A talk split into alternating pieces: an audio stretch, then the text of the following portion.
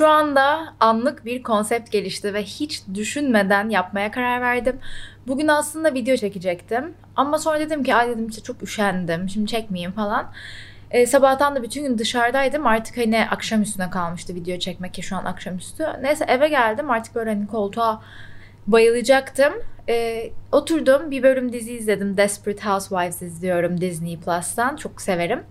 Ondan sonra neyse biraz dinlendim falan. Sonra e, dedim ki şu anda burada otururken hiçbir saçını değiştirmeden, hiçbir makyaj yapmadan olduğun halinde git kamerayı al. Sohbet etmek istiyorsan, konuşmak istiyorsan ya da bugün çekeceğim konu mesela kıskançlıkta onun hakkında birazcık konuş. Ve şu an e, böyle hani gayet rahat bir şekilde bunu yapayım istedim. Ve zaman zaman hatta e, böyle içimden geldiğimde o anda halim her neyse evin neresindeysem ya da dışarıdaysam kameram varsa o an böyle kamerayı çıkartıp biraz sizinle sohbet edeyim istiyorum. Şimdi de bugün biraz kıskançlık ve e, kıskanmaya bakış açımızdan konuşmak istiyordum. Çünkü e, bir keresinde bir e, hatta sohbet videomda demiştim ki bir arkadaşım gece dışarıda olduğunda işte saat 10'da kız arkadaşlarıyla bir kafede olduğunda erkek arkadaşı ona hadi eve git işte e, hala evde değil misin gibi mesajlar atıyormuş. Kız da işte eve gidiyormuş ve bunu böyle hani benim arkadaşım, benim erkek arkadaşım ne kadar korumacı, e, işte beni çok seviyor gibi görüyordu. Ben de bu videoda, o videoda size söylemiştim hani bunun sevgiyle bir alakası yoktur diye. Sonra bana birkaç takipçimden bir tanesini çok net hatırlıyorum bir mesaj gelmişti. Lara hani ben bunu her zaman böyle görmüştüm. Senin bu sözlerin üzerine benim bakış açım değişti diye. Sonra ben de bu konuda bir video çekebilirim diye düşünmüştüm. Ee, öncelikle biz e, özellikle Türkiye'de e, kıskanılmak bir sevgi belirtisi. Seven insan kıskanır diye büyütülüyoruz. Seven insan kıskanmaz, özgüvensiz insan kıskanır. E, bu şekilde büyütüldüğümüz için de yaşımız ilerledikçe kıskanıldığımızda ve karşı taraf bize sınırlar koyduğunda, hiç haddi olmayan sınırlar koyduğunda, bizim özgürlüğümüzü kısıtladığında biz buna sevgi belirtisi ve artı ne kadar hoşlanabileceğimiz bir şey gözüyle bakıyoruz. Şimdi aklıma geldikçe bunun üzerine böyle aralarda düşündükçe hep notlar almıştım telefonuma. Bunlardan bir tanesi de kıskançlığın evreleriydi ve bunun üzerine hatta bir video izlerken orada görmüştüm. Çok hoşuma gitmişti de not almıştım. Bu arada şu anda sizi koltuğun arasına koydum. Bak fotoğrafınızı çekeceğim. Sizi nasıl koyduğumu. Bir de şuradaki bal bebeğimin fotoğrafını çekeyim. İkisini de size gösteririm buralara koyarım. Kıskançlığın evreleri var. En düşük evrede ondaki nimetin sende olmasını istemiyorsun ama onun gibi bir şey istiyorsun. Ve ondaki nimetin ondan alınmasını istemiyorsun. Bu çok önemli. Sende de onun gibi bir şey olsun ama ondaki nimet onda kalmaya devam etsin. Bir üst seviyesi ondaki nimetin sende olmasını istemiyorsun, benzer bir şey istiyorsun ama sende olmayacaksa onda da olmasını istiyorsun. Bir tane daha üst seviyesi başkasına verilen nimetin ondan alınıp sana verilmesini istiyorsun. Onda olmasın, ondan alınsın sana verilsin. En üst seviyesinde de başkasına verilen nimet sana verilmeyecek olsa bile ondan alınsın istiyorsun. Şimdi bu üst seviye olarak bahsettikleri mesela bence biraz ekstrem ama ilk seviyeler işte başkasındaki bir nimetin sende de olmasını istemek onda olmasına devam etsin ama bende de benzeri olsun. Ya bu çok insani bir duygu ve genelde işte kişisel gelişim ya da işte bu tarz konularda çok şu algı oluyor. Ee, işte hani kıskançlık kötü bir duygu. Kıskançlığı hissetmeme. Kıskançlık diğer bütün duygular gibi insani bir duygu ve siz hayatınızın bir döneminde birisini kıskandıysanız kötü bir insan değilsiniz. E, fakat mesela burada değişik şeyler de var. Eğer kıskanıp ona bir kötülük yaptıysanız orada sorgulanması gereken bir şey var. Ben başka bir cana kötülük yapacak kadar neden bunu kıskanıyorum? Ee, neden kendimin e, elde edemeyeceğini düşünüyorum? Ya da kendinize sorabileceğiniz o noktada mesela bir sürü e, farklı sorular var. E, o yüzden hani onu vurgulamak istiyorum. Kıskanmak illa kötü bir insan olduğunuz anlamına gelmiyor. E, bence belli noktalarda hatta imrenme duygusu yani başkasında bir şeyleri görüp sende de olmasını istemek güzel bir şey. Çünkü e, biz bir şeyleri beğendiğimizde kendimizi gelişime açıyoruz ve bir şeyler uğruna çalışıyoruz. Atıyorum şu anda lisedesiniz. e, üniversitede bir okula giden birini görüyorsunuz, ona imreniyorsunuz ve onun için çalışıyorsunuz. Yani birilerine imrenmek e, en alt seviyede onda olan şeyin benzerinin sende de olması, en alt seviye dediğim en alt seviyede kıskançlıkta gayet normal ve insanı bazı durumlarda çok motive edici bir şey. Begüm'le sohbet ediyorduk mesela işte yaratıcılık konuşuyorduk ya da e, ikimiz de böyle geleceğimizle ilgili e, planlar yapıyorduk birbirimize sunuyorduk vesaire ve çok güzel bir şey konuştuk. Yani yaratıcılık e, yolda zaman içerisinde oluyor ve yaratıcılık illa bir şeyi sıfırdan yaratmak değil, yaratıcılık etrafındaki şeylerden ilham alarak yeni şeyleri doğurmak. E, o yüzden mesela bu imrenmede de başkalarını görüyorsun, başkalarından ilhamlar alıyorsun ve kendinde benzerini yaratmak için uğraşıyorsun. Motivasyon sağlıyorsun kendine. Ama mesela işte daha demin bahsettim ya başkasında olan şeyin bizde de olmasını istiyoruz ama bu sırada ondan alınmasını ya da onda olmamasını istiyoruz. Mesela bu kıskançlık içinde nefreti, korkuyu, özgüvensizliği barındıran bir kıskançlık ee, ve içinde nefret olan hiçbir şey bizim hayatımıza huzuru getirmez. Ee, istediğimiz şey ondan alınıp bize gelse bile biz o kadar o duygularla hareket ediyor oluruz ki ondan bize geldiğinde artık onda olmadığı için kendimizdekinin değeri de biter. Gene konu aslında değere çıkıyor. Ee, biz değerimizi başkalarına göre sahip olduğumuz şeylerde ararsak kendimizi zaten değersiz hissettiğimiz için biz ona sahip olduğumuzda sahip olduğumuz şeyi de değersizleştiririz. Ve dediğim gibi içinde aslında bundan dolayı diyorum korku ya da kötülük ya da öfke olan şeyler günün sonunda bize yaramaz çünkü o duygular gene bizim içimizdedir. Başkasından alınmasını istemek, bizde olmasını onun yerine bizde olmasını istemek yerine neden içimizde bu öfke var, neden içimizde bu korku var bunlara çalışmak asıl bizim kendimize yapacağımız yatırım olacaktır. Çünkü bizim hayatımızın huzurunun nerede olduğunu ancak biz bilebiliriz. E, karşısındakinden belki alınmasını istiyoruz tamam ama o alınmasını isteme duygusu bile bizim hayatımızı yoran duygu. E, olduktan sonra yaşayacağımız duygu gene bizim hayatımızı yoracak olan duygu. Çünkü ilk baştaki motifin devam edici duygusu. Ee, başka buralara ne not almıştım? Bugün yağmurluydu hava. Kaç gündür havaya yağmurlu diyor. En sonunda böyle sürekli güneş açıyor. Şu perdeyi biraz kapayım hiç sevmem. Gözüm karardı.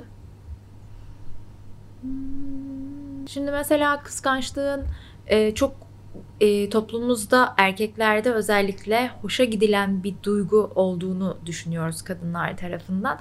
E, kıskançlık e, seksi değildir. Kıskançlığı korumacılık zannediyoruz ve hoşumuza gidiyor. Ay beni kıskanıyor çünkü işte ne kadar korumacı.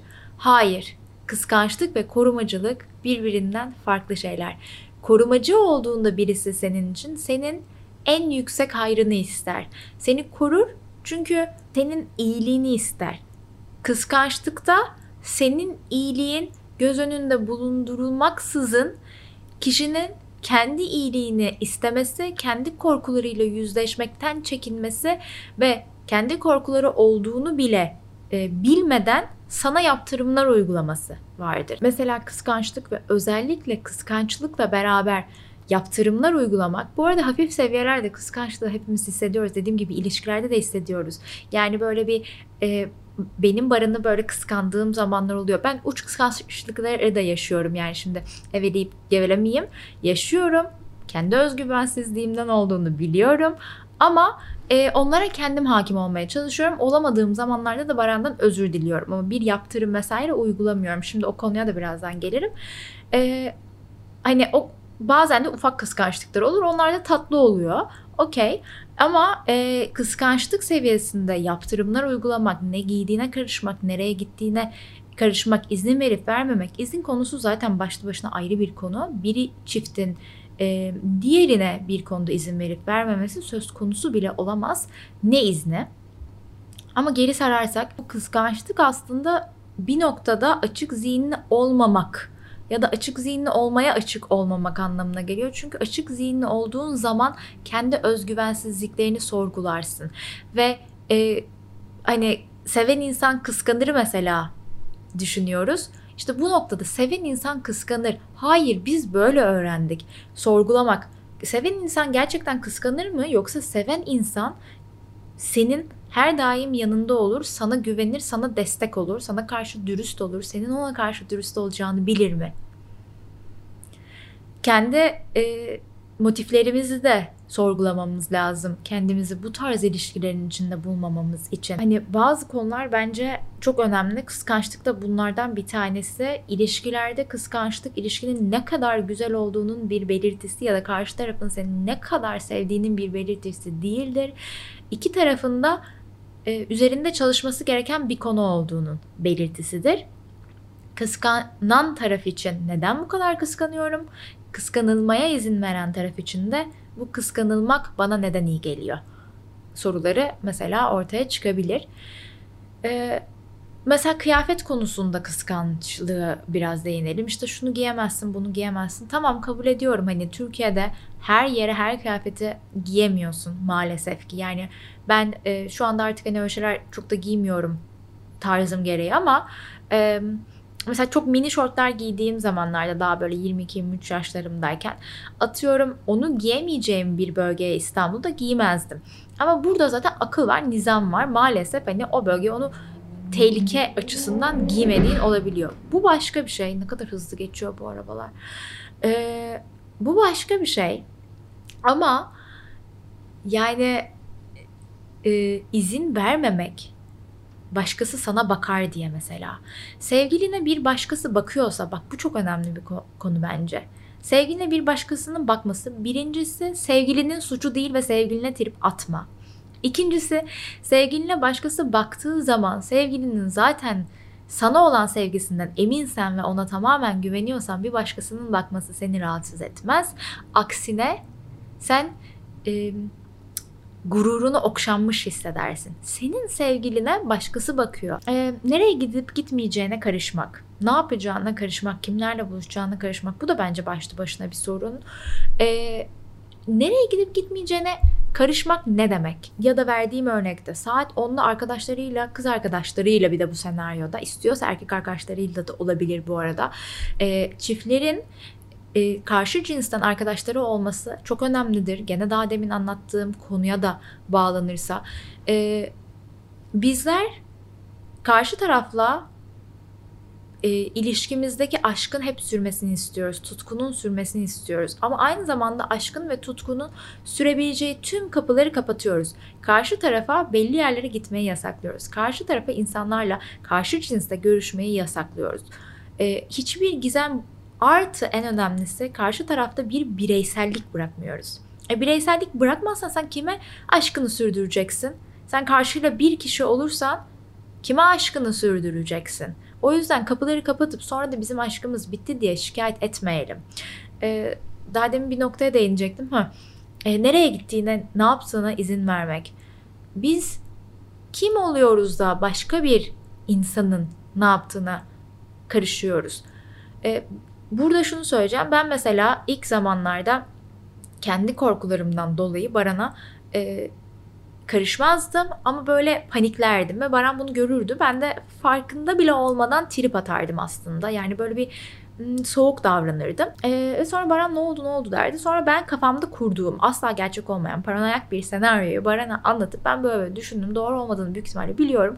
Fakat hani ben bundan e, sorun yaşıyorum derdim. Baran da bana yardımcı olmaya çalışırdı. İnsan üstüne. Hoş geldin canım. Baran böyle bir konsept yaptım. Ee, random anlarda böyle sohbet videoları çekiyorum. Çok güzel. Evet biraz heyecanlandım. Bir de klimayı biraz açar mısın? Şimdi tam konu şuna gelmişti. Ee, çiftlerde çiftlerin birbirinin bir şey yapmasına izin vermesi konusu. Ben de diyordum ki hani izin vermek ne demek? Hani birinin birine izin vermemesi söz konusu olamaz ama diyordum. Şimdi bakma bana öyle. ama diyordum. E, hani ben daha özellikle ilişkinin başlarında kendi özgüvensizliğimden dolayı o panikleri yaşadığımda sana söylüyordum. Şimdi şuna geliyordum ki e, mesela siz erkek arkadaşlarına tatile gittiğinizde bana böyle çevremden çok kişi söyledi işte nasıl izin verdin nasıl izin verdin. Biz de hep hatta seninle bunu konuştuk ne izni işte izin söz konusu değil falan diye. Ee, mesela orada da evet izin söz konusu, izin verip vermemek söz konusu değil ama mesela ben rahatsız olduğum için o tatilde daha doğrusu hani kendim özgüvensiz olduğum için sana ki eskiye göre çok iyiyim. Doğruya doğru doğru mu? Ee, eskiye göre çok iyiyim. Özgüvensizlik yaşadığımda mesela sen özellikle ona dikkat ettin. Ona böyle bana tatilde olsan da o konuya ilgi göstermeye çalıştın. Ne hı hı. Oraya gitmeni, oraya gitmemizi genel olarak kadınların arkadaşlarına nasıl izin veriyorsun dediğin olay Hı hı. aldatabilir. Evet. Evet. Ve eğer zaten sen izin vermiyorsan ve ben seni izin vermiyorsun diye gidemeyip aldatamıyorsam zaten 10 sene sonra aldatırım. Hı, evet doğru. Anladın 10 mı? sene Bir sonra fırsatı- bile Bir değil. fırsatı bulduğunda aldatırım. Yani. Evet. Zaten sen bana diyorsun ki ben sana o fırsatı vermeyeceğim. O yüzden sen beni aldatamazsın. Ben de sana ben sana diyorum ki sen bana izin verme. Ben gitmeyeyim. Zaten aklında seni aldatmak varsa ben seni yarın da aldatabilirim, bir hafta sonra da aldatabilirim. Bir ay de sonra da aldatabilirim. mesela bence buna artı olarak akl- karşı tarafın aklında aldatmak yoksa bile bu kadar izin vermeye vermeye baskılaya baskılaya baskılaya aslında aldatmayı bir süre sonra sen karşı tarafın aklına sokarsın bunalta bunalta. Yani karşı taraf biraz bilinçsizse sokabilirsin. Diğer türlü zaten ayrılır eğer karşı taraf bilinçliyse. Ha evet. beni bu kadar boğuyorsa ve ona bu kadar güvenmiyorsa Evet bu da çok önemli mesela. Eğer bilinçliyse bu kadar boğulmanın üzerine zaten senin için Zaten. için doğru bir insan olmadığını anlar ayrılır. ama Zaten bilinçsizse farkında olmadan gider aldatır. gider aldatır. Hmm, o özgürlüğü başka bir yerde arar. Tabii. Kendine kanıtlamak ister özgür olduğunu. Evet. Gel. Bir de mesela ben şöyle bir şey söyledim. Onun hakkında ne düşünüyorsun? Bu kadar böyle e, ilişkilerde işte aşkın tutkunun öldüğünü söylüyoruz. İşte bunlardan şikayet ediyoruz ama günün sonunda aşkın tutkunun bu kadar ölme... Seni spordan geldin seni kilitledim. Biliyorsun. en derin muhabbetle. Sen ne düşünüyorsun bu konuda yani? Seni azat ediyorum. Umarım hoşunuza gitmiştir. Hepinize çok öpüyorum. Kendinize iyi bakın. Bay bay. Come, all ye faithful, joyful and triumphant. Come. true.